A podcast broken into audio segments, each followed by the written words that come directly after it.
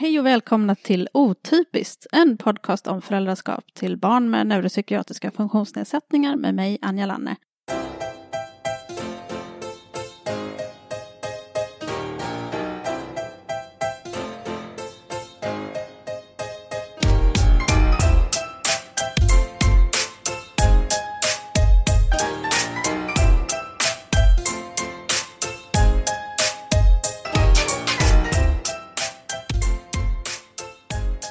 Dagens avsnitt så har jag med mig samma gäst som förra avsnitt, nämligen Sofia från kontot Funkisfamilj på Instagram och Facebook ska sägas. Hej Sofia! Hej!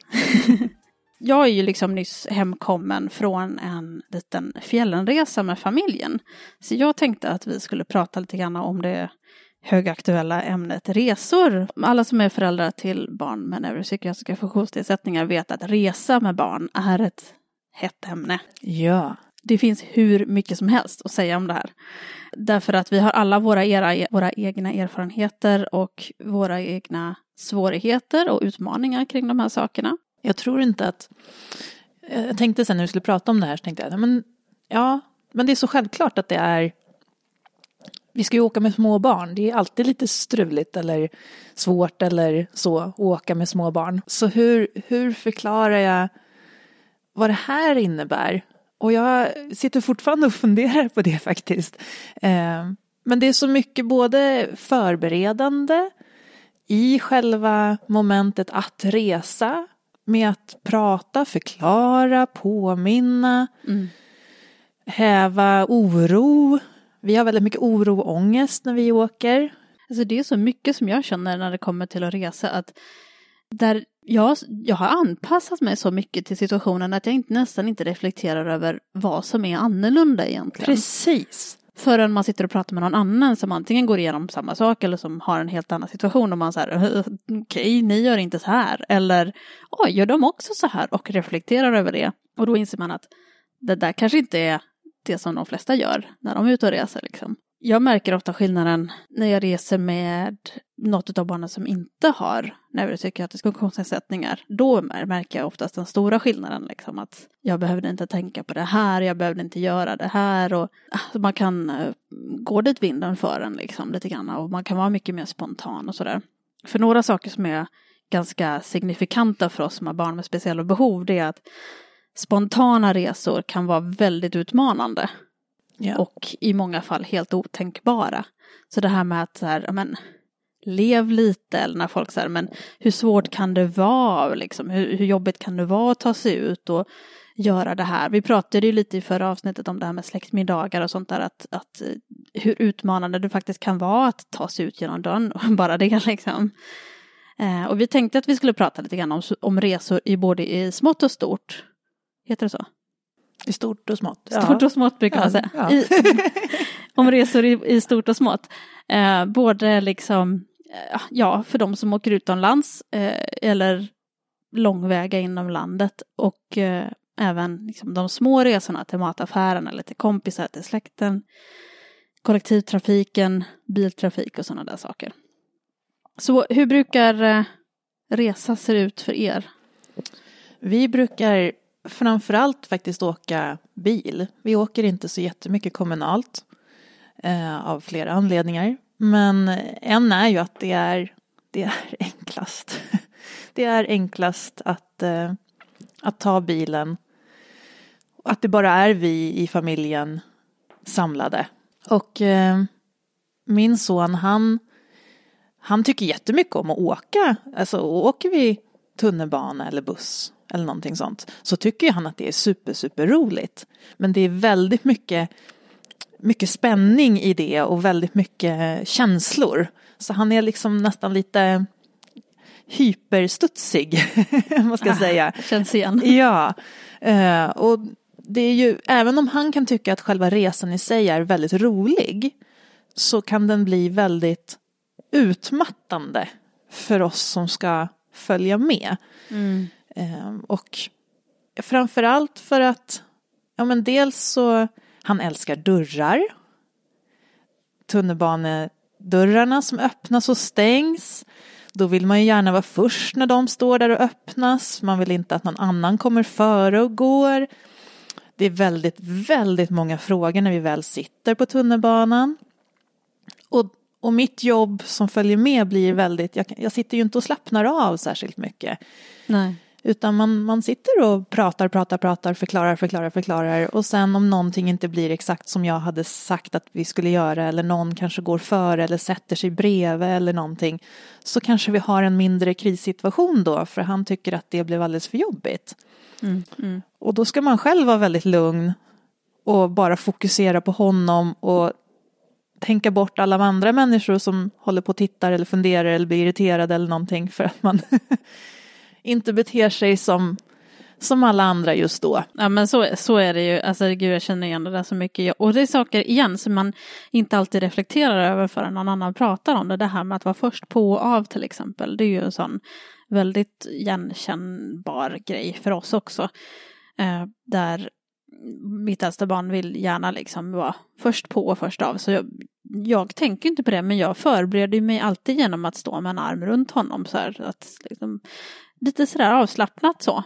Men jag tänker inte på det. Jag tänker inte på det längre. Förutom de gånger man missar då och det blir krock i dörren liksom för att ja. han ska på samtidigt som någon ska av. På sätt och vis skulle det vara lättare med, alltså jag gillar bussar på det viset att där går man ju bara på där fram och inte av så att oftast så är det ju väldigt linjärt, man kan springa in i bussen ganska fort. Så. Om man då inte som jag är föräldraledig och har en barnvagn med sig. Ah, problematiskt. Mm. Den, ja men den är väldigt problematisk för då går ju folk på där fram och så kommer de samtidigt som jag går på med två, två barn och en barnvagn. Mm. Och då kommer det ju folk som ska gå förbi oss men vi har inte riktigt hunnit på. Och nej, det nej, man har inte hunnit i ordning. Inte i ordning och så är det någon som sitter där, där man inte får sitta. Och min son har ett väldigt rättspatos, han vet att regler är regler. Så att om någon sitter på fel plats, då säger ju han det ganska rätt upp och ner att du sitter på fel plats. Och han har ju helt rätt, det är ju bara det att man oftast inte säger sånt. Nej precis, vi bor ju faktiskt i Sverige. Ja men precis. vi, här pratar vi inte här med varandra. pratar vi inte med varandra. Förrän Nej, men... vi exploderar. Nej, men, så det är ju många sådana moment också. Då blir han väldigt frustrerad över att ja, men det är ju så att den här personen sitter på fel ställe. Och varför sitter den på fel ställe? Och här ska ju minsann jag upp och här ska vagnen stå. Och ja, det finns regler man ska förhålla sig till. Och den här flexibiliteten som ändå sker mellan människor, att man har ett, ett underförstått att ja, men det är ingen fara att du sitter där nu för att någon annan kan sitta där. Eller den... Det råkar inte finnas någon som har käpp just nu. Nej, så men då kan precis. Den platsen är ju i princip då ledig. Ja, och, och den, den diskussionen går ju, den har vi inte på det sättet. För det, det går inte riktigt att resonera på det sättet. Utan nu har vi en regel. Det är nästan lättare att undvika de platserna i, i till exempel pendeltåget. De nya pendeltågen har ju liksom en hel vagn.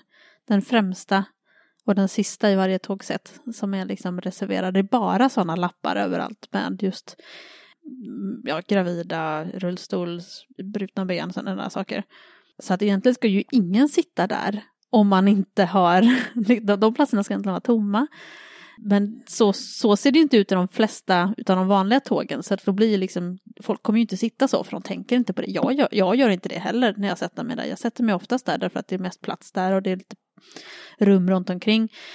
Och kommer det någon som har liksom, behov så får man väl flytta på sig. Men man reflekterar inte så mycket över det. Och har man då ett barn som har liksom, regelboken i näven jämt så, så är det nästan lättare att undvika den delen av vagnen för att man klarar inte av att ha den här diskussionen om alla som sitter på fel plats hela resan igenom. Nej men precis och inte varje gång och inte, som du säger inte hela resan igenom för det är inte som att man nöjer sig kanske med att så är det utan då har vi ju en lång diskussion om det ur alla perspektiv.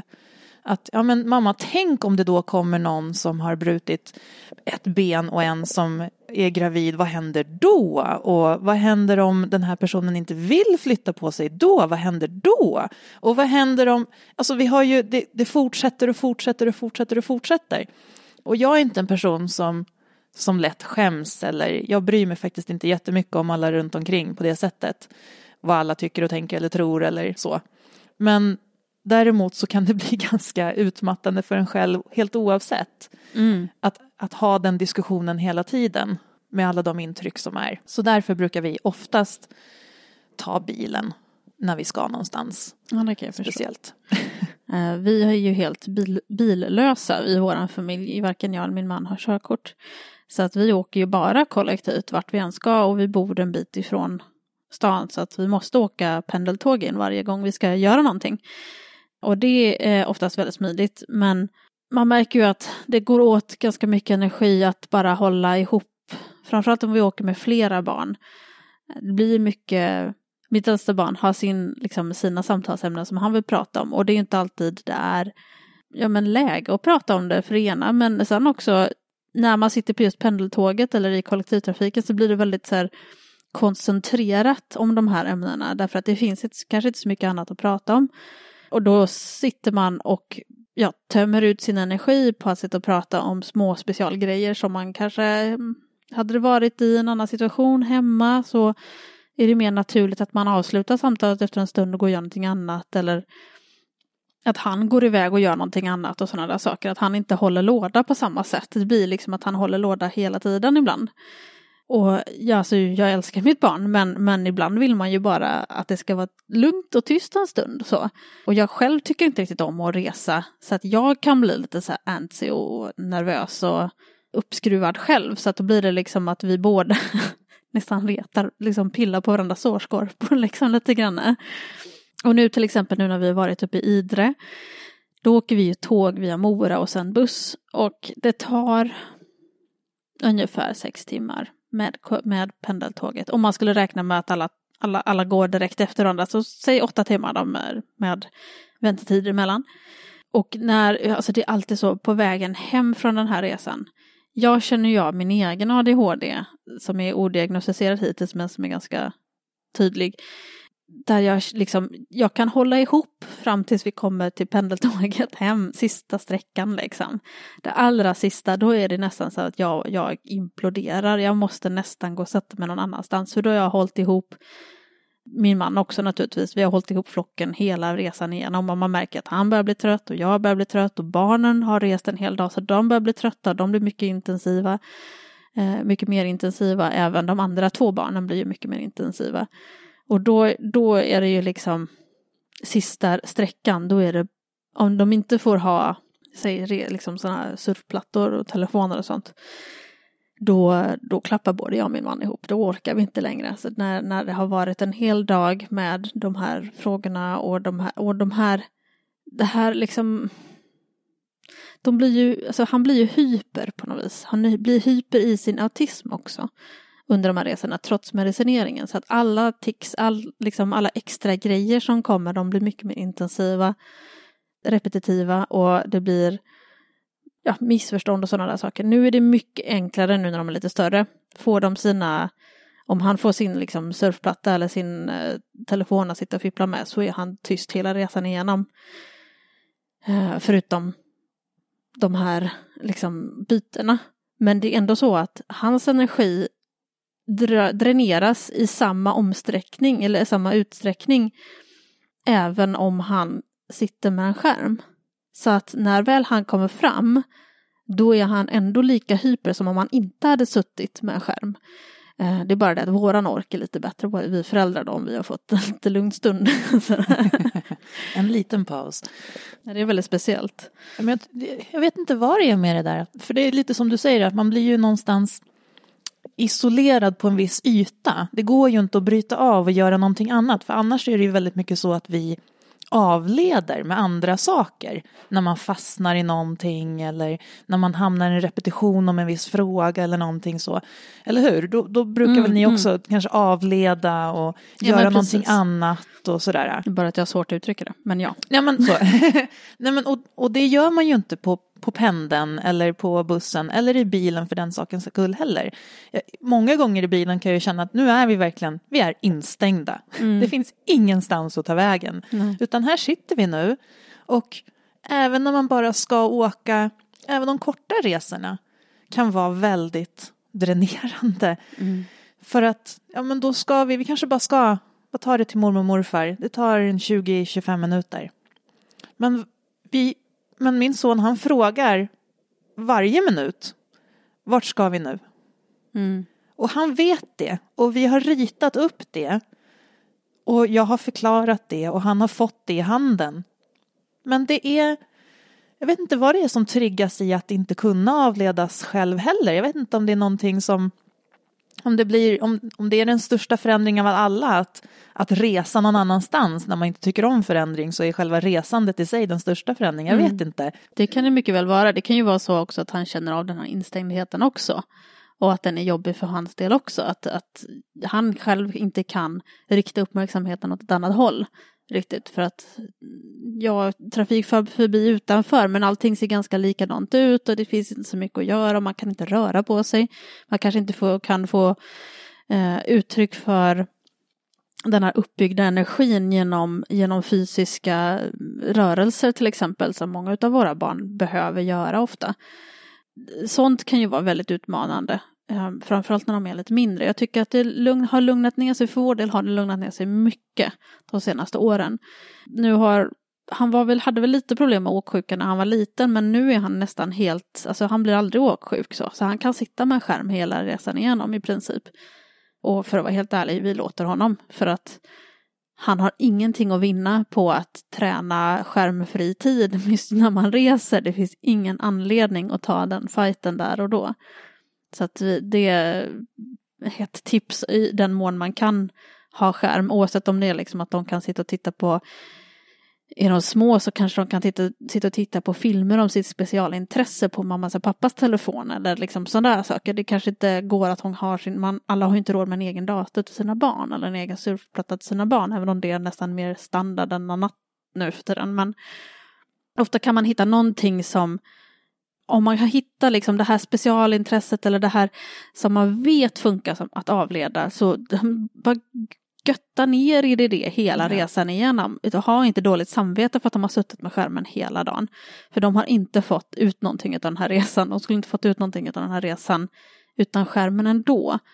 Och det är inte läge att träna på att ha tråkigt när man åker. För att det är så mycket intryck för de här barnen. Så att det, det funkar ju inte. Liksom. Vi, vi kan koppla bort, vi kan sitta och titta ut genom fönstret och tänka på andra saker och sådana saker. Men det kan inte de här barnen. De behöver det är så stressat det som pågår, det är alla de här synintrycken som pågår, de hör ventilationen i tåget eller för att inte tala om flygplan, alltså jag, jag har inte flugit med mina barn men ja, jag vet hur jag reagerar på att flyga så att jag skulle inte vilja flyga med mina barn faktiskt. Alla de här liksom ljuden och det här speciella ljuset som kan vara, om det är, åh gud, när man åker förbi och det är skog och solen skiner igenom skogen och det bara flimrar Ja, så här epilepsi blixtrar i hela tåget eller hela bussen. Sådana saker, alltså allt det där, det går ju som sagt, det går, de kan ju inte filtrera bort det. Så att det går ju rakt in för dem. Så kan man hitta någonting som distraherar dem som man vanligtvis kanske begränsar så bara ös på på resdagen liksom. Jag skiter i vilket alltså. vi lyssnar ju väldigt mycket på sagor. Vi lyssnar på Bamse och Alfons och allt vad det är för någonting. Vi har också padda. Men när vi är alla barnen, hans lillebror, han, det går, det går inget bra att använda padda.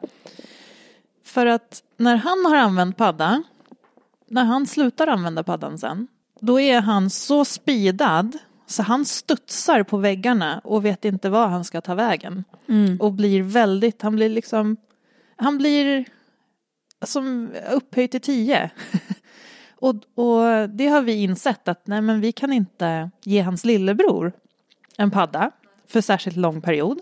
För det blir jätte, jättejobbigt för alla, för honom också. Han blir väldigt så här, nej men jag vet inte varför det blev så här nu och jag vet inte alls, det är som att allting bara blir svart. Så, så att då, då blir det lite konstigt. Vi kan ju inte ge storebror en padda men hans lillebror får ingen.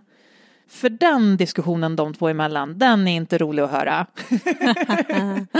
så. så vi kör på sagor. Jag, jag tänker så här när jag hör det där, ja så var det nog för oss för några år sedan också, för mellanbror är ju liksom inte alls, eh, har inte alls samma skärmbehov. För min äldsta är det ju nästan skärmen avslappning. Han reagerar inte på skärmtid på samma sätt som vanliga barn kanske skulle göra som blir lite mer speedade utav det, de har suttit stilla framför en skärm hela dagen. Men eh, däremot så har ju mellanbror i alla fall, lillebror är lite svår att förklara för fortfarande, men mellanbror eh, han vet ju om att storebror har sina diagnoser och vad som är besvärligt för honom. Så att han får ju också liksom ta den förklaringen att vi kan inte ha samma regler för alla. Nu har båda skärm förvisso, men nu, nu råkar det vara så vi har tur att mellanbror blir lite åksjuk så att han kan inte alltid ha skärm hela tiden ändå, så att då har vi en ursäkt så. Men man får, alltså ofta förstår de bättre än vad man tror. Om man förklarar att ja, men, vi fungerar alla olika och om, om storebror inte kan ha skärmen nu så kommer det bli jättejobbigt även för dig. Det kommer bli väldigt hög energinivå här i bilen nu och det kommer bli stökigt.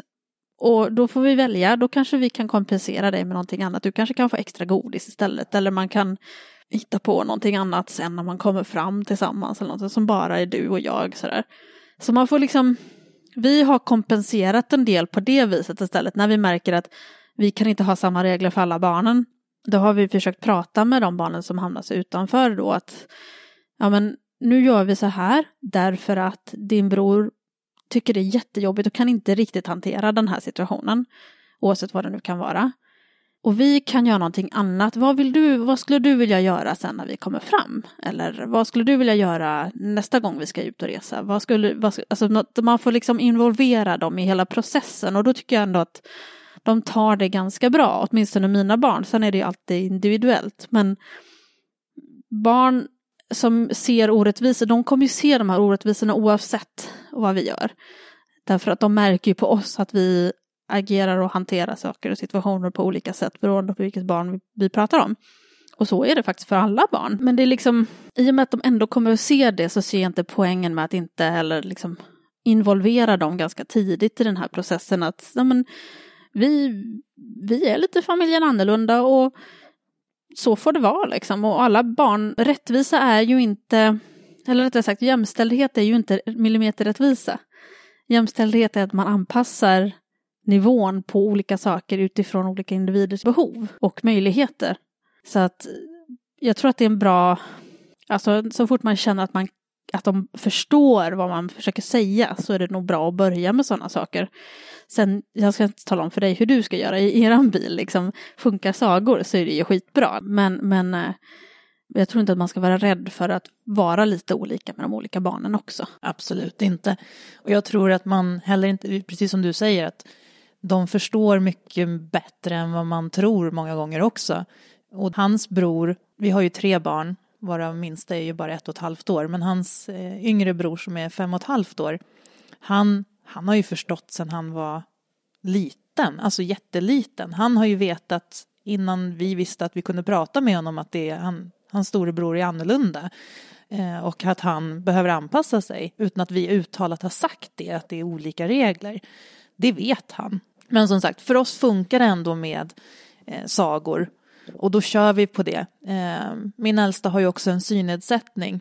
Vilket gör att sagor många gånger kan vara en bra grej för det är någonting man ska lyssna på istället för att försöka eh, få synen att funka på den här paddan och så, ja. Mm, och så rör sig bilen. Och så rör sig bilen och så har man inte riktigt motoriken och sådär. Så att eh, många gånger så funkar det ändå.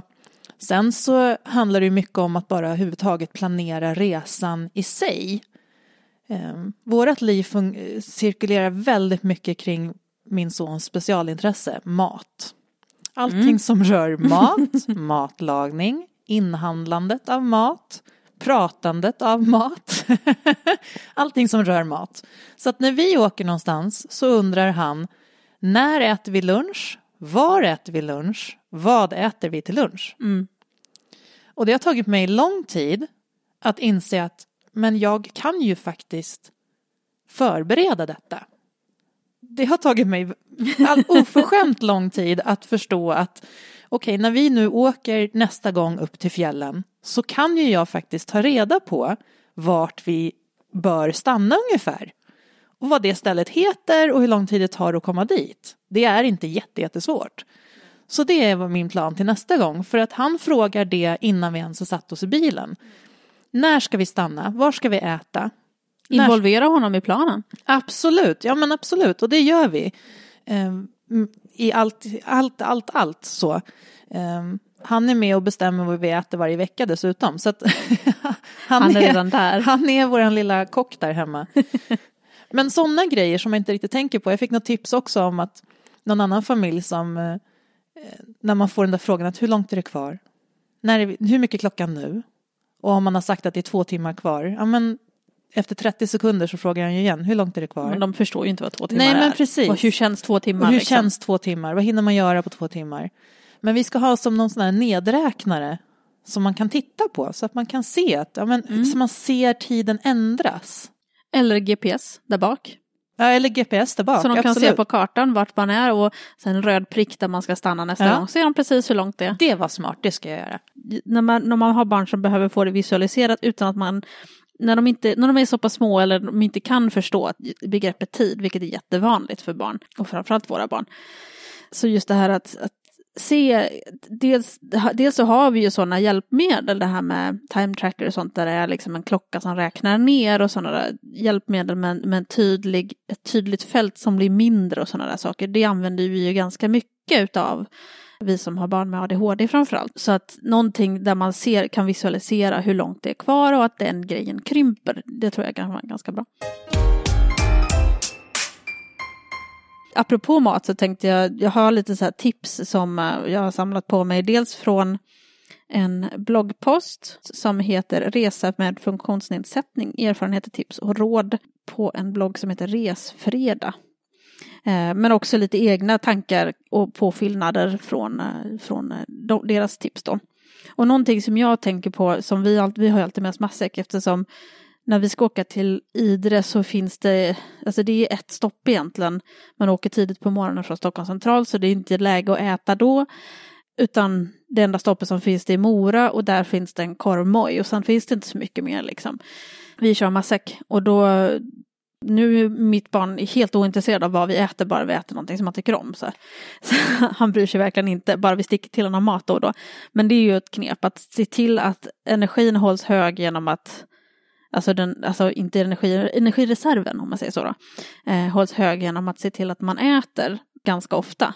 Det behöver inte vara tydligt frukost, mellanmål, lunch, middag grejen när man är ute och reser därför att det kan vara svårt att få till rent logistiskt och det är oftast inte den typen av mat man har med sig i en matsäck.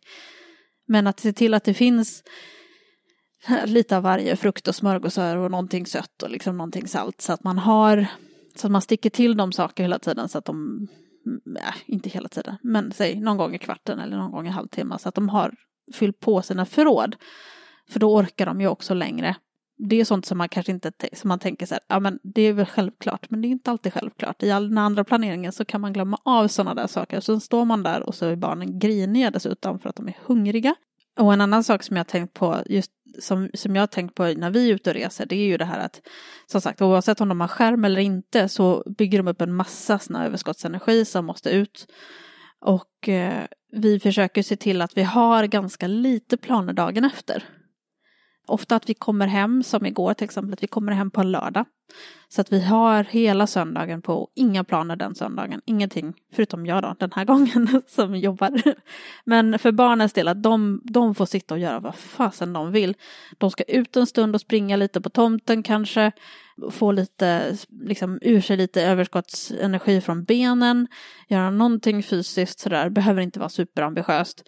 Och sen bara få göra normala saker och behöver man gå runt och tuta lungorna ur sig när man kommit fram på en resa eller hem igen så låt dem så, så att de får liksom känna att de får ur det här och få återfå kontrollen i sin kropp och liksom den rätta känslan i kroppen. Min son pratar ofta om att han behöver ha den rätta känslan i kroppen och det kan vara mycket tics till exempel som behöver komma ut för att den känslan ska infinna sig.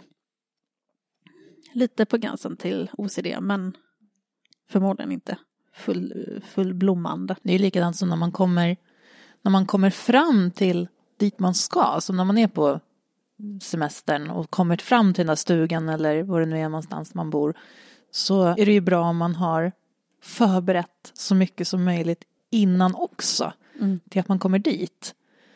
Att vi brukar ofta, finns det bilder på hur det ser ut, så har vi visat dem och tittat på hur det ser ut. Så att man vet. För att jag får ofta frågan, hur ser dörren ut? Hur ser dörren ut? Vad är det för slags dörr när vi kommer fram? Och det är en ganska tråkig fråga att kunna säga, nej jag vet inte, för att den, han behöver verkligen veta det, då känner han sig Mm. lite mer trygg. Och det är inte så jättesvårt egentligen att hitta någon bild på stugan, så kan man se hur dörren ser ut, till exempel. Och likadant med att, ja men som en matsäck, vi brukar ju göra middagen innan, kvällen innan, så gör vi typ köttfärssås. Och så fryser vi den, så att den är fryst hela vägen dit. Och bara tina när man Ah, kommer fram. Smart, så att man har Så tar färdig det, middag. precis, då tar det en kvart att göra middag för att du tinar och gör spagettin samtidigt och så är det klart. Samtidigt som en förälder tar hand om barnen och tittar hur det ser ut och den andra bäddar snabbt. Så, Mm, mm. så är allting klart Mm. lite. Det är smart faktiskt, ta med sig. Om man har möjlighet att göra det. Om man åker bil i alla fall så det är ju lätt att ta med sig en middag. Precis, då funkar ju det att kunna göra på det sättet. Och det har varit en livräddare kan jag säga många gånger. Att det är klart. För att då har man ju suttit i bilen x antal timmar och det, alla är slut. Och att då ställa sig och fixa i ordning allting. Ja, gud. Ja. Och plus då att om man har barn som behöver veta till exempel just vad ska vi äta. Då, då vet ju de redan från början, redan liksom innan man kliver in i bilen, vad det blir för mat när vi kommer fram. Precis. Så slipper de fundera över det och stressa kring det. Eh, apropå det här med hur, hur husen ser ut så är det ju väldigt behändigt om man säger så i till exempel Idre, för vi hyr alltid samma typ av stuga. Sen finns det ju massor med likadana stugor. Men de är antingen åt ena hållet eller spegelvända, men de ser, det är exakt samma rum oftast. Så där. Och vi, jag menar, mina föräldrar vill alltid ha bastu och liksom, och vi behöver alltid ha en, en eh, vi behöver ha sju bäddar när vi åker med mina föräldrar. Och då är det väldigt praktiskt att den ena bädden är en våningssäng med en bredare nederslav. Så att vi, vi letar alltid efter stugor som ser nästan exakt likadana ut varje år. Och det är inte så himla mycket skillnad. Och som tur är så störs, jag tror inte att min äldsta störs jättemycket av sådana detaljer längre. Det var värre när han var mindre och de första åren så hyrde vi väldigt olika stugor. Och jag hade inte en tanke på att förbereda honom med bilder. Vi som beställde stugan vi som bokade stugan, vi tittade ju på bilder för den anledningen. Vi vill ju se vad finns det, hur ser det ut, hur ska vi planera, vem ska sova var. Men vi gjorde nog det misstaget ganska många gånger i början att vi inte involverade vårt äldsta barn i de planerna så att han visste exakt var han skulle sova. Och då är det ju väldigt också viktigt att resa med människor som respekterar de reglerna. Och det har jag ju tur med att mina föräldrar, de respekterar, de vet varför. Liksom så. så om vi har bestämt att äldsta brodern ska sova i den sängen längst upp där, då ändrar vi inte på det. Åtminstone inte förrän vi kommer dit och han kanske vill något annat. Men, men planen är att han ska sova där. Så att liksom alla vet vad, det, vad som gäller när man kommer fram. Och oftast är det ju sådana saker som är ganska enkla ändå, tänker jag. Att för att undvika de värsta låsningarna eller oron eller någonting över hur och när och vad ska hända. Det är ju väldigt mycket saker som man kan ta reda på. Precis som du säger, per automatik sitter ju vi vuxna ändå och tittar på bilderna Ja, för att hyra den där stugan. Precis. Det är ju inte ett jättestort steg att ta att vänta här nu, nu får ni också titta, ni barn. Mm, ja men faktiskt. Men man tänker inte alltid på det. Och, eh, jag har ju ett barn som ibland är väldigt noga med vad han, han, att han behöver väldigt mycket förberedelse och ofta inte alls. Så att det är väldigt så svårt att veta när det här faller in och när det inte faller in. Och, och då är det ibland enklare att bara köra på och så hoppas man på det bästa. Men ofta så biter det ju sig en i rumpan sen när man, när man eh, kommer fram och de inte har en pejl på var de ska sova och sådär.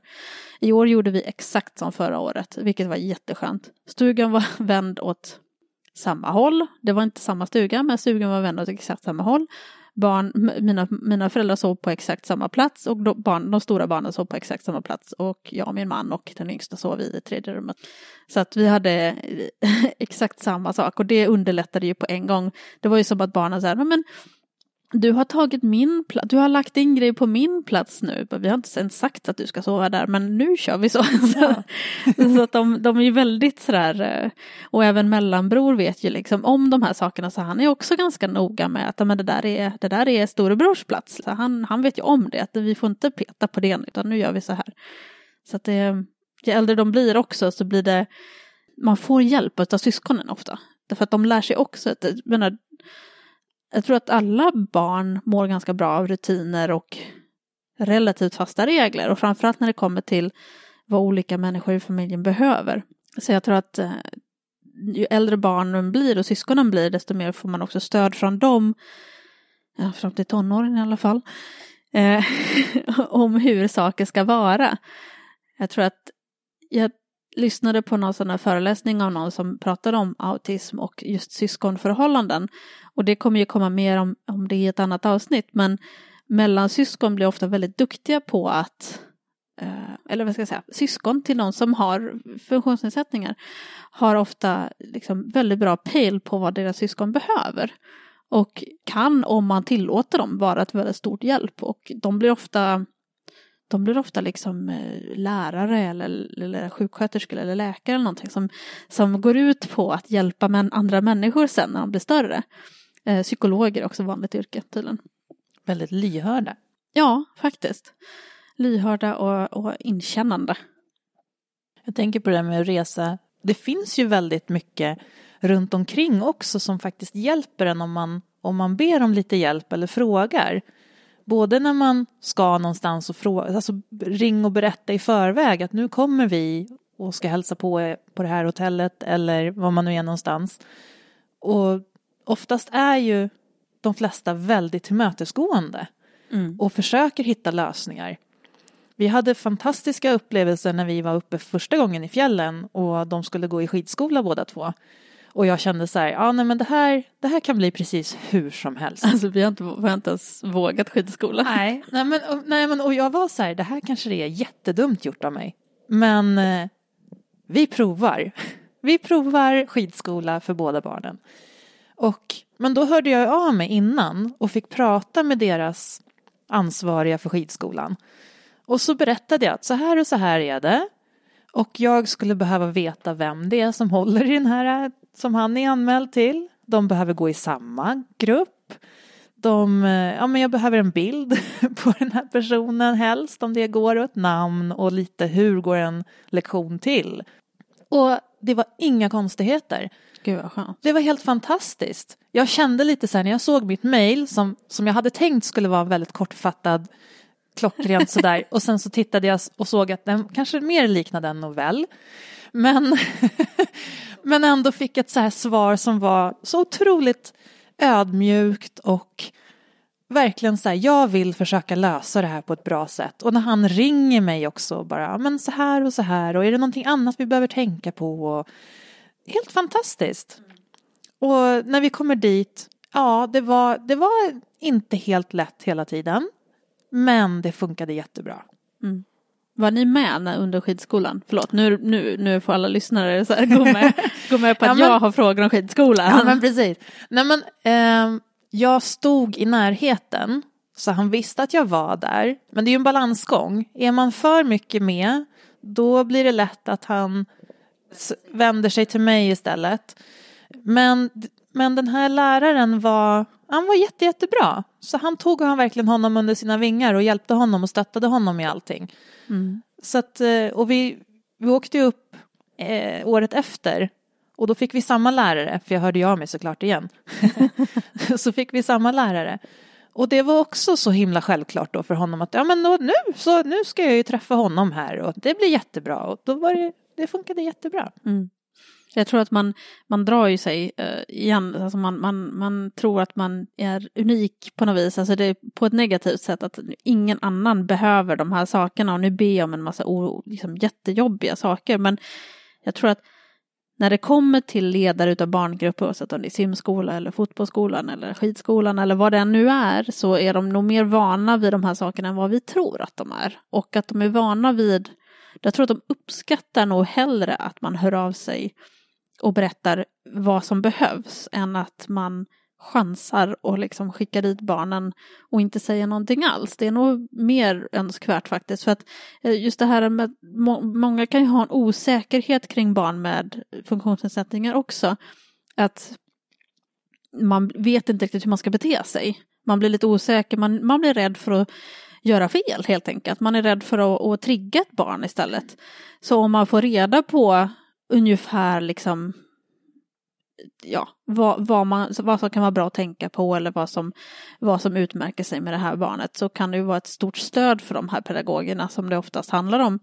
Eller ja, ofta handlar om. Typ är de, eller de kanske inte är jätteutbildade men ofta är de ju de mer lämpliga som har hand om barnen, liksom, om man säger så. Inte de som är de mest vresiga och minst tålmodiga som står där i skidbacken. Liksom. Alltså jag har ju sett de här skidskole ja, vad man ska nu kalla dem, pedagoger med ledarna, de är ju jätteduktiga. Man ser ju det när man åker förbi eller sitter i sitt lift och tittar ner på dem, den här svansen med barn som lyckas ploga ner för de här blåa backarna och man bara herregud. Oh. Varför kan inte jag lära mitt barn att göra så här? på ett bra sätt. Men, nej, men så att man ska, man ska nog ha lite tilltro till dem också. Ja men det är någonting jag har börjat tänka mer och mer på att ja men egentligen oavsett vart jag är någonstans och oavsett om jag är i affären eller om jag reser någonstans och är i en helt främmande miljö så har jag börjat bestämma mig för att ge min omgivning en chans också. Att mm. faktiskt kunna bemöta oss på ett bra sätt. Om jag ger dem chansen också. Sen kan man ju vara ganska trött på att alltid behöva kanske förbereda sin omgivning också på att möta det icke-typiska. Men jag tror ändå på att försöka. Det finns ju ingenting att skämmas över. Nej. Så, och det blir bäst för alla, tänker jag. Precis som du säger, att ja, men de flesta blir lite osäkra och vill inte göra fel. Och det kanske är därför de säger att nej, du får inte vara med eller du får inte göra så eller någonting. För att man blir så himla nervös att jag ska göra fel. Mm. Och då tänker jag att ja, men då kanske man istället kan förbereda och berätta att ja, men det här behöver vi. Och så här fungerar vi. Hur kan ni göra på ett bra sätt och ge lite förslag då? Så underlättar man ju en situation för alla. Och jag tänker det om inte annat så underlättar man för nästkommande barn som kanske står ut. Eh, där den här vuxna då har fått lite erfarenhet och lite stöttning på vägen till och med om man har varit, haft mycket kommunikation med dem. Så är den personen bättre mot nästa barn som behöver extra stöd. Så att eh, Ja, jag tror att man kanske lurar sig själv också lite grann att, att tro att våra barn kanske behöver enskild undervisning, men det behöver inte alltid vara så. Ibland är det förstås så. Många av våra barn klarar inte av gruppsammanhang alls. De blir så distraherade av de andra barnen och behöver en vuxen som stöttar hela tiden. Så att det behöver ju inte vara så att, att gruppidrotten, oavsett vad det nu är, simskolan till exempel, fungerar alls. Det kan ju vara så att det bara spunkar ut totalt. Och då får vi, då får vi anpassa oss, vi får mm. göra vad vi kan. Men ni reser ändå ganska långa timmar, alltså tänk när ni åkte upp nu så var det ändå, vad var det, sex, sju, åtta, åtta timmar. Åtta timmar. Mm. och längre på vägen hem därför att eh, jag tror att de gjorde barnarbete så att halvvägs någonstans så stannade och så stod det där i en halvtimme och sen så tog hela resan två timmar extra. Mm. Så att eh, själva tågresan så att det var ju en jättelång tågresa och de var jätteduktiga. Och jag var jätteduktig. Bra jobbat! Jag satt och eh, gjorde en typisk Anja-grej där jag sitter med, eh, alla barnen hade skärm så de var ju sätt. liksom så här. Jag hade också skärm så jag satt med hörlurarna och tittade på Youtube-videos på folk som rensar avlopp. Så gör jag. Eh, inte bajs utan regn, regnavlopp. eh, men eh, ja, vi har våra sätt att hantera de här situationerna på. Men det var, det var, det var väldigt skönt att komma hem. Framförallt nu med den här veckan som har varit. Nu när vi spelar in så är det ju liksom en vecka efter att hela coronakrisen bröt ut i Sverige i princip. Den bröt ju ut typ två dagar efter att vi åkte. Så att vi har varit hemifrån under allt det här. Så att eh, våra stackars barn har ju fått hantera att vi har pratat om sådana saker hela veckan också. Nog om det. jag ska inte prata om corona, det är så jävla tråkigt. Jag har några sådana här saker som jag tänker att det kan vara bra att ha med sig, framförallt om man ska resa en längre bit. Det ena är ju som vi har pratat om förut och som du har pratat mycket om, det är att förbereda barnen i god tid. Känner du att du har ett barn som behöver mycket eh, information, eh, skriv ut saker, ladda ner länkarna så att de finns tillgängliga någonstans, så att ni kan titta på dem ofta innan, prata om det som behöver pratas om. Gör en liten bok. Jättesmart faktiskt. Har du små barn så kan du till och med så här, ha en liten blädderbok som du laminerar. Du är som jag som samlar på dig specialprylar. Vem har inte en laminator? Nej, vilket, visst är det konstigt? Jag förstår inte varför folk inte har laminatorer. Det är ju helt, perfekt. Helt oförståeligt. Kostar liksom ingenting och sen så har man just det här fixa bildstöd till badrummet. Precis. Alltså fixa bilstöd överhuvudtaget som inte blir sönderrivet, fixa små stödlappar till leksakslådorna i barnrummen eller tvättkorgen för att... Alltså, Jag har det i frysen. ah, oj, hur fick de att sitta kvar där? Fästkuddar? Ah, ja, med sån här dubbelsidig tejp Ah, på hela liksom. Och så Ja. måste ju lådan vara helt torr och inte helt kall då, Nej. utan så. Precis. Mm, Ja. Smart. Mm. Ja. ett annat tips är eh, att ett äventyr inte behöver vara långt borta från hemmet. Och har du ett barn som blir väldigt orolig av resor så kan det vara bra att ha en miljö som är bekant och som ni återvänder till. Med våra barn så är det ju så att repetition inte är negativt. Liksom, att bara för att det är samma, exakt samma resa som de gjorde förra året behöver det inte vara liksom, tråkigt för dem. Det kan vara precis vad de behöver, att det är lättare och lättare för dem att slappna av i den miljön ju mer de känner igen sig i den.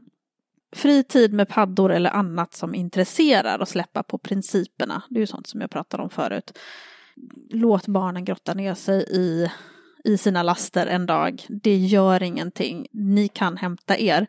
Såvida det inte liksom skapar mer problem än, än, än nödvändigt förstås. Men, men efter, efter den mån ni kan.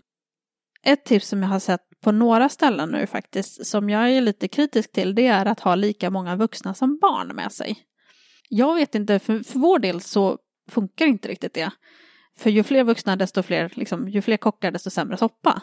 För mig så har det varit enklare att resa ensam med barnen än även bara när min man är med. För att våra barn är som alla andra barn. att de ställer oss mot varandra så fort de kan. Eh, när det, framförallt när det är någonting som avbryter från rutinen. Som en resa, kan vi få det här, kan vi göra det här eller bara att det blir liksom tjafs om småsaker hela tiden och de spelar ut varandra, oss mot varandra. Så att jag tycker att det är jätteskönt att till exempel när jag ska till Göteborg med barnen med tåget till mina föräldrar att jag åker några dagar innan min man. Så kan han få lite egen tid till exempel. Eller att jobba om han behöver göra det i lugn och ro, gå ut med någon kompis. Och vi slipper ha 10 000 bråk på tåget. Där både jag och min... För jag tror också det är så att när man reser tillsammans så upplever jag det som att man båda två slappnar av lite grann och hoppas på att den andra ska hopp, kliva in. Och då gör de inte alltid det. För att man kanske inte har kommunicerat det heller. Alltså det kan ju vara att man själv bara är lat och bara, men jag kan slappna av, han är med. Eller vice versa. Och då blir det att man sitter och irriterar sig på varandra hela resan istället, vi vuxna. Så att eh, jag tycker det är skönare att resa ensam för då vet jag att det är bara jag som gäller. Det är bara mitt ord som gäller. Jag kan inte förlita mig på att någon annan kliver in och hjälper till här så jag skärper mig. Jag är mer närvarande. Det blir ju tydligare för att du behöver inte fundera på ska vi äta pasta eller ska vi äta potatis till det där? Behöver jag fråga och stämma av, vad tycker du? Utan du säger vad det vad du tycker Mm. eller vad det är. Det blir ju enklare i den bemärkelsen. Sen beror det lite på vad man gör för någonting.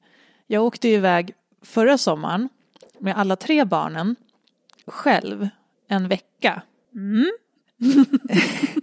Och så bodde vi på 25 kvadrat eller någonting. Ja men det var lite utmanande. Då var dessutom yngsta, vad var han? Han var 10 månader. Ja, Ja. Så att då hade du en bebis också. då hade jag en hårt. bebis. Men, men eh, annars kan det vara i och för sig, alltså är det bara de två äldsta, då kan det ibland vara bra att vara två stycken för att de har, de har så otroligt olika intressen. Eh, mellansonen, han behöver springa runt och han behöver springa och klättra och greja väldigt snabbt, väldigt mycket, väldigt intensivt. Och min äldsta son då, han, ja men han behöver, det är för mycket intryck. Han behöver ta det lite lugnt, det får inte vara för mycket människor. Han vill helst sitta och äta.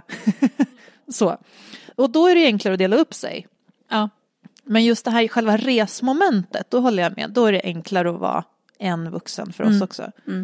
Ja men det är sant, för när jag åker till mina föräldrar då är ju, då är ju de där och fångar när vi kommer fram. Även om jag, Eh, nu, nu tar jag mig ut, reser jag ensam så tar jag mig i regel hela vägen ut till ön, för de bor ju på en ö. Eh, men tidigare har de ju hämtat oss, men nu är vi lite för många för att åka bil. så att då blir det liksom, då kan jag lika gärna ta dem på bussen också.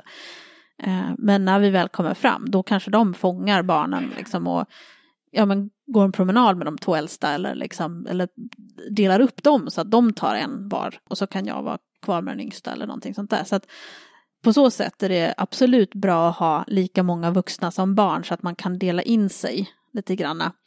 Eh, och har man barn som behöver, som har väldigt olika behov under resans gång så kan ju det också vara bra på så sätt att om har man ett barn som behöver springa fram och tillbaka i tågkorridoren eller ställa sig längst bak och titta ut genom fönstret så, så då kan man göra det utan att behöva liksom känna att man lämnar de andra två eller bara mm. säga nej. Att man inte kan säga ja till en sån sak kan ju vara besvärlig i en sån situation. Å andra sidan så lyssnar de ju mer när man är en. Då är det ju mer acceptabelt att man faktiskt säger nej. Ja, ja. precis. Ja, men så är det ju. Det, apropå det där att de förstår att så här är det nu. Den är ju lättare att formulera när när man bara är en att nej, nu kan inte mamma gå dit. Vi kan gå dit om tio minuter och då får alla gå med dit oavsett om man tycker att det är roligt att stå och titta ut genom fönstret eller inte. För nu vill en göra det, då gör vi allihopa det. Och den är ju lättare än att säga, men pappa gör ju ändå ingenting eller mamma, vadå, kan inte du? Ja. Man, får, man får anpassa sig efter sin egen familj tror jag lite grann, vad man mm. har för, för uh för förutsättningar. Men var inte rädd för att resa ensam med barnen om det känns lättat. Jag var livrädd första gången och jag blev så jäkla förvånad över hur enkelt det var att resa själv. För som sagt, barnen vet att den andra inte är där, de ser ju det. Mm. Så de kan inte hålla på och tjafsa om samma saker. Sen är man ju helt slut när man kommer fram, men det är man ju oavsett om man reser en eller två föräldrar. Liksom. Precis. Så att uh, resa med barn är aldrig kul. I min erfarenhet. Men sen kanske inte vara rädd för att resa överhuvudtaget. Alltså jag tänker att, nu frågade jag ju dig så här att ja, men ni åkte ganska lång resa nu, åtta mm. timmar. Mm. Mm. Ja, där är inte vi riktigt just nu. Vi har fyra timmar som max mm. att sitta i en bil och resa någonstans. För det går inte. Vi har provat att åka längre eh, och ja, det går ju, vi kommer ju fram. Men det blir väldigt mycket ångest och ja, men må dåligt känslor och det, hur jag än har gjort så. Mm. Och då känner jag att, ja, men vi, men det betyder inte att man inte kan resa alls. Då tänker jag att skulle vi åka till samma ställe någon annan gång, ja men då kanske vi åker och så stannar vi längs med vägen. Och så stannar vi över där en natt eller två eller någonting. Så får man göra det till ett äventyr i sig. Eller hitta, jag menar alla andra åker till Åre, ja det gör inte vi då. Det tar för lång tid.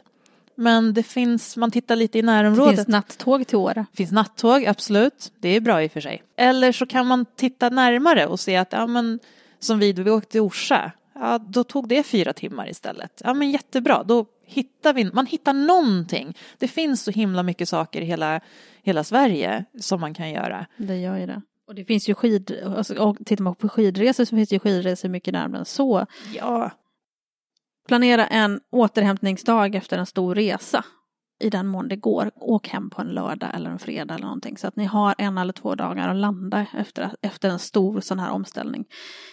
Kanske inte lika nödvändigt på vägen dit, men på vägen hem tycker jag det är jättevärdefullt. Vi har gjort misstaget att resa på söndagar några gånger och det vi tänker varje gång, aldrig mer. För att även om barnen ibland kan hämta sig ganska snabbt så märker vi det att energin på torsdag och fredag redan är slut. Liksom så. De har inte hunnit studsa tillbaka, framförallt inte min äldsta. Och vi föräldrar orkar inte heller riktigt åka till jobbet dagen efter, alltså man är helt slut. En grej som jag tycker, som jag provade nu, eller som vi provade nu för första gången, och som man ska vara medveten om att man ofta har rätt till, eller åtminstone har rätt att söka, det är dispens att åka en annan vecka än den som är lovvecka. Barn med funktionsnedsättningar eller speciella behov har ofta lite annat, andra möjligheter att resa utifrån sina behov. Så att till exempel så känner jag till att det finns en del familjer som börjar sitt sommarlov flera veckor innan alla andra. För det första så är det ju så att mycket av undervisningen är väldigt o, liksom, alltså det inte är så mycket viktiga saker som händer. Framförallt inte de lägre åldrarna de sista veckorna innan sommarlovet till exempel. Att det är väldigt mycket avbrott från rutinen, vilket barnen mår dåligt av. Det kan vara en massa utflykter som de också kanske inte alltid mår så himla bra av. Det är inte så mycket prov kanske, ja det är kanske det, jag vet, jag kommer fan inte ihåg. Men hur det är. I de yngre åldrarna så kan man, ofta kan man ju anpassa, man kanske kan få göra provet innan alla andra eller, eller efter att man har kommit hem eller liksom att man kan, om det inte är liksom så här riktigt viktiga prov förstås. Eh, men man kan ansöka hos skolan. Ofta finns det en, en blankett på kommunens hemsida som man kan skriva ut. Som handlar om ansökan om ledighet. Eh, där, som man lämnar in till rektorn och då får man också då motivera varför. Och då kan det ju vara till exempel barn som har ADHD har ju väldigt, kan ha väldigt svårt att hantera köer. Eh, så det kan vara jättebesvärligt att åka till till exempel eh, Gröna Lund när alla andra har ledigt eller till eh, Tom Tits när alla andra har lov eller till fjällen. Eller till fjällen, ja precis. Stå i liftkön när hela Stockholm står i liftkön, för så känns det, alltså på allvar. I Idre som vi alltid åker till, där den här stolsliftskön i den stora backen, den är liksom, kan sträcka sig över hela backen och korsa hela backen. Man kan stå i kö i 40 minuter. Och det funkar inte med våra barn alla gånger. Har man dessutom autism av olika slag så kan det också vara det att är det mycket folk så är det mycket intryck och de får inte ut Eh, kvaliteten utav det lovet som de kanske skulle ha fått annars. Ibland kan man ju be om skolan om extra uppgifter men man har i regel rätt att ansöka om lov utan att få extra uppgifter om man inte har missat väldigt mycket naturligtvis. Och, och skolor är ofta ganska snälla med att bevilja dem eh, till våra barn. För att de vet ju att våra, de ser ju, träffar ju våra barn, de vet ju vad de har liksom för kapacitet att njuta utav andra människors närvaro i många fall. Liksom. Och, och jag är ju sån här lagnörd så jag blir så här, ja men finns det då någonting som man kan falla tillbaks på och hänvisa till eller någonting speciellt utifrån skollag eller någonting att så att de måste ta hänsyn till det för, eller är det upp till deras välvilja att känna våra barn? Det finns ett avsnitt i skollagen, eh, kapitel 7, paragraf 18, där en elev i skolform eh, som avses i föregående paragraf får beviljas kortare ledighet för enskilda angelägenheter och i synnerliga skäl eh, längre ledighet utav rektorn.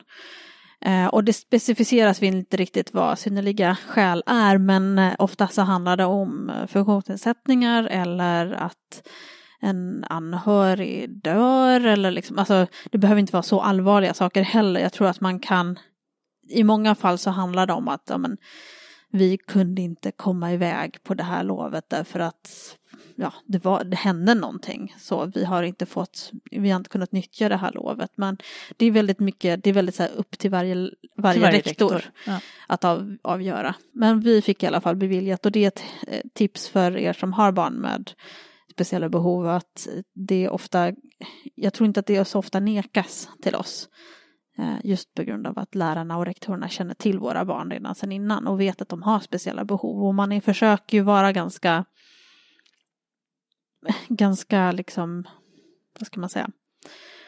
De har ju också Skolinspektionen på sig hela tiden om de inte anpassar undervisningen efter varje elevs förutsättningar. Så om till exempel en elev inte får ut någonting av de tre sista veckorna på, på vårterminen därför att, eller precis innan jul därför att det ska sittas och pysslas hela tiden eller man ska iväg till kyrkan eller ska man eh, gå på någon teater som inte funkar för det här barnet och sådana saker så vet ju i regel de om de sakerna.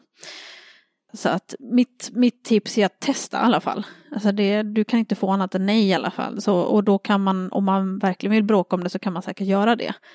Därför som sagt, skolan har en skyldighet att anpassa sin undervisning. Och då kan man ju hävda den genom till exempel barn och elevombudet om man känner att man inte får rätt till sin anpassning. Och jag hade nog tipsat också om att nu, det kan ju vara väldigt, väldigt olika hur väl rektorer och lärare känns vid de här funktionsnedsättningarna som man ändå har eh, eller förstår dem. Eh, så att skulle man göra någonting sånt här och ansöka om ledighet en annan vecka än vad, man, än vad som är påsklov eller vad det nu är för någonting så hade jag nog ändå utgått från att de inte vet mm. så mycket. Även om de vet så hade jag nog motiverat ganska med exempel och sådär varför vi behöver åka just den här veckan och inte den veckan som är så att det blir så tydligt som möjligt vad de här särskilda skälen är. Och exemplifiera är ju väldigt, väldigt bra då.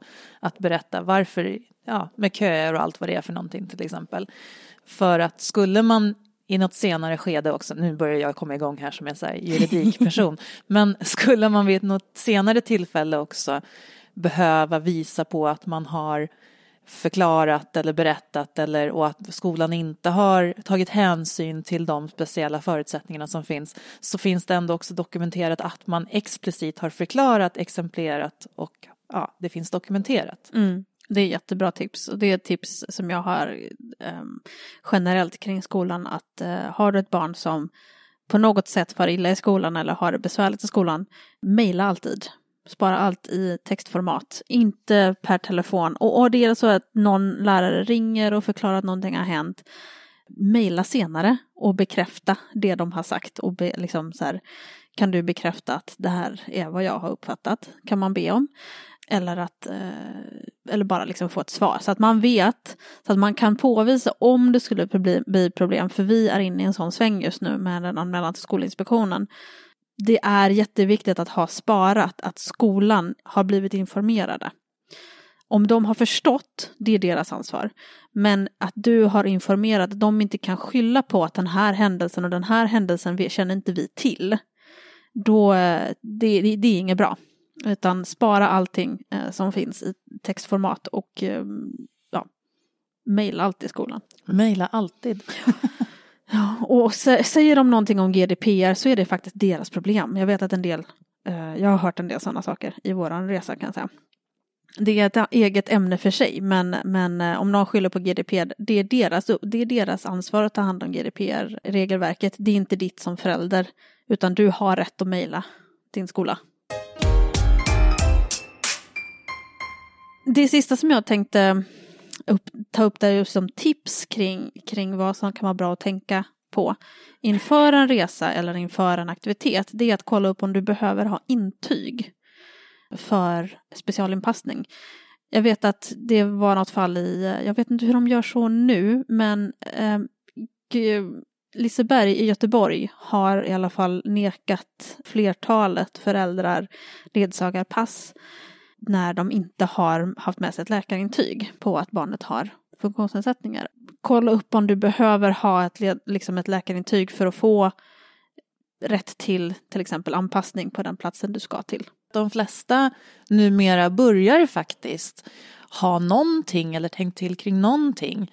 Eh, och även om de inte har det så som vi pratade om innan så, så är de flesta ändå ganska tillmötesgående om de får en chans att vara det. Så att vet du själv vad du behöver så ring och prata om dina behov. Sen har jag förstått att Gröna Lund ändå är väldigt duktiga på att inte behöva visa någonting eller så, utan du går dit och så säger du att jag har en son eller dotter som har svårt att stå i kö på grund av att och då brukar de lösa det. Det är smart. Mm. Ett annat tips där, och nu kommer alla som har barn med MP få åka dit samtidigt som jag. Så nu, nu sabbar jag min egen plan här. Men det är att åka ta en ledig dag första veckan när skolan har börjat. Och åk mitt i veckan. För det är helt tomt på Gröna Lund då. Det är faktiskt mitt hetaste tips. Jag gör det. Vi åker alltid i augusti när skolan har startat igen. Första veckan eller typ någon dag innan skolan har börjat och någonting sånt. Då är det nästan inget folk där. Och det är oftast skönt väder också. Så det är sån här. Men sånt gör, sånt gör man alltid, höll jag på att säga. Att man så här, hänger på låset när någonting öppnar. Eller är där, om det är jättefint väder ute, ja men då åker vi på lekland. Ja men precis, alltså, och regnar det då åker vi till Gröna Lund. Ja men precis, alltså, gör de där sakerna som inte alla andra gör, då är det tomt.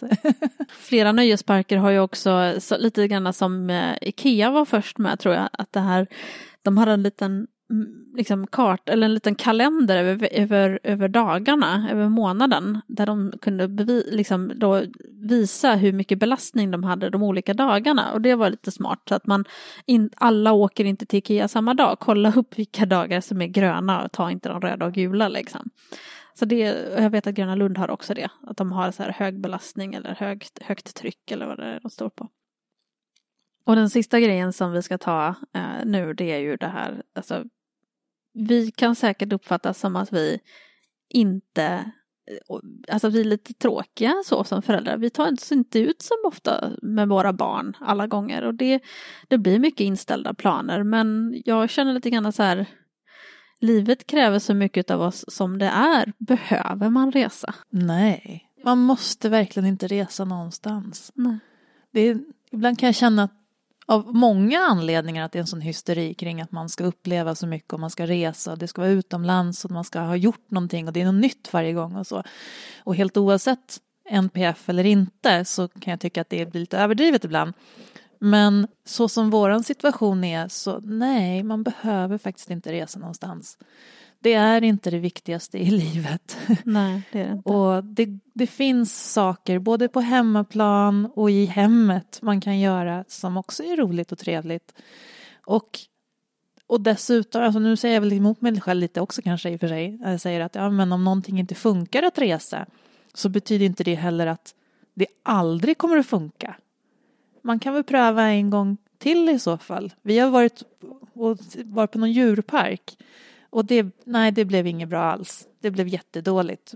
Både på grund av att det är mycket människor men sen också synnedsättningen som gör att man inte ser den där tigen där långt borta som alla andra Mm. ser. Och då är det inte så himla roligt att gå runt och titta på djur när man inte ser dem. Nej. nej. Men någon annan gång så gick det jättebra. För att då var det lite annorlunda park och det regnade så att det var inte så många andra där. Och, ja men, ja. Ja. Alltså man får ju hitta det som funkar för en själv. Men jag tycker inte att man ska känna att man måste, att man liksom är misslyckad förälder om man inte Nej. lyckas resa. Jag har inte varit utomlands sedan jag var gravid med mitt äldsta barn. Typ i vecka tio. Eh, sen dess har jag i princip inte varit utomlands eh, och inte med barnen i alla fall. Och det gör inte mig någonting. Alla tänker inte så. En del känner att, att barnen måste få erfara saker också. Men de har hela livet på sig att erfara. Det finns ingenting som säger att de måste göra det under den perioden som är som känsligast eller som jobbigast eller som tyngst eller som bara allmänt stökigast för deras skull. För att precis när barnen börjar i skola och liksom det händer grejer, nya grejer varenda årskurs. Det är inte så att när de har börjat i skolan så är det fine son, utan varje årskurs erbjuder nya utmaningar. Så att vi, alltså för, jag kan bara betala för min del, alltså vi är helt, vi är överösta av vardagen. Eh, De få resor vi gör, nu gör vi ju en stor resa till Idre varje år, men i övrigt så reser vi som längst till mina föräldrar på västkusten och då landar vi liksom i ett andra hem eh, där de är ganska bekväma.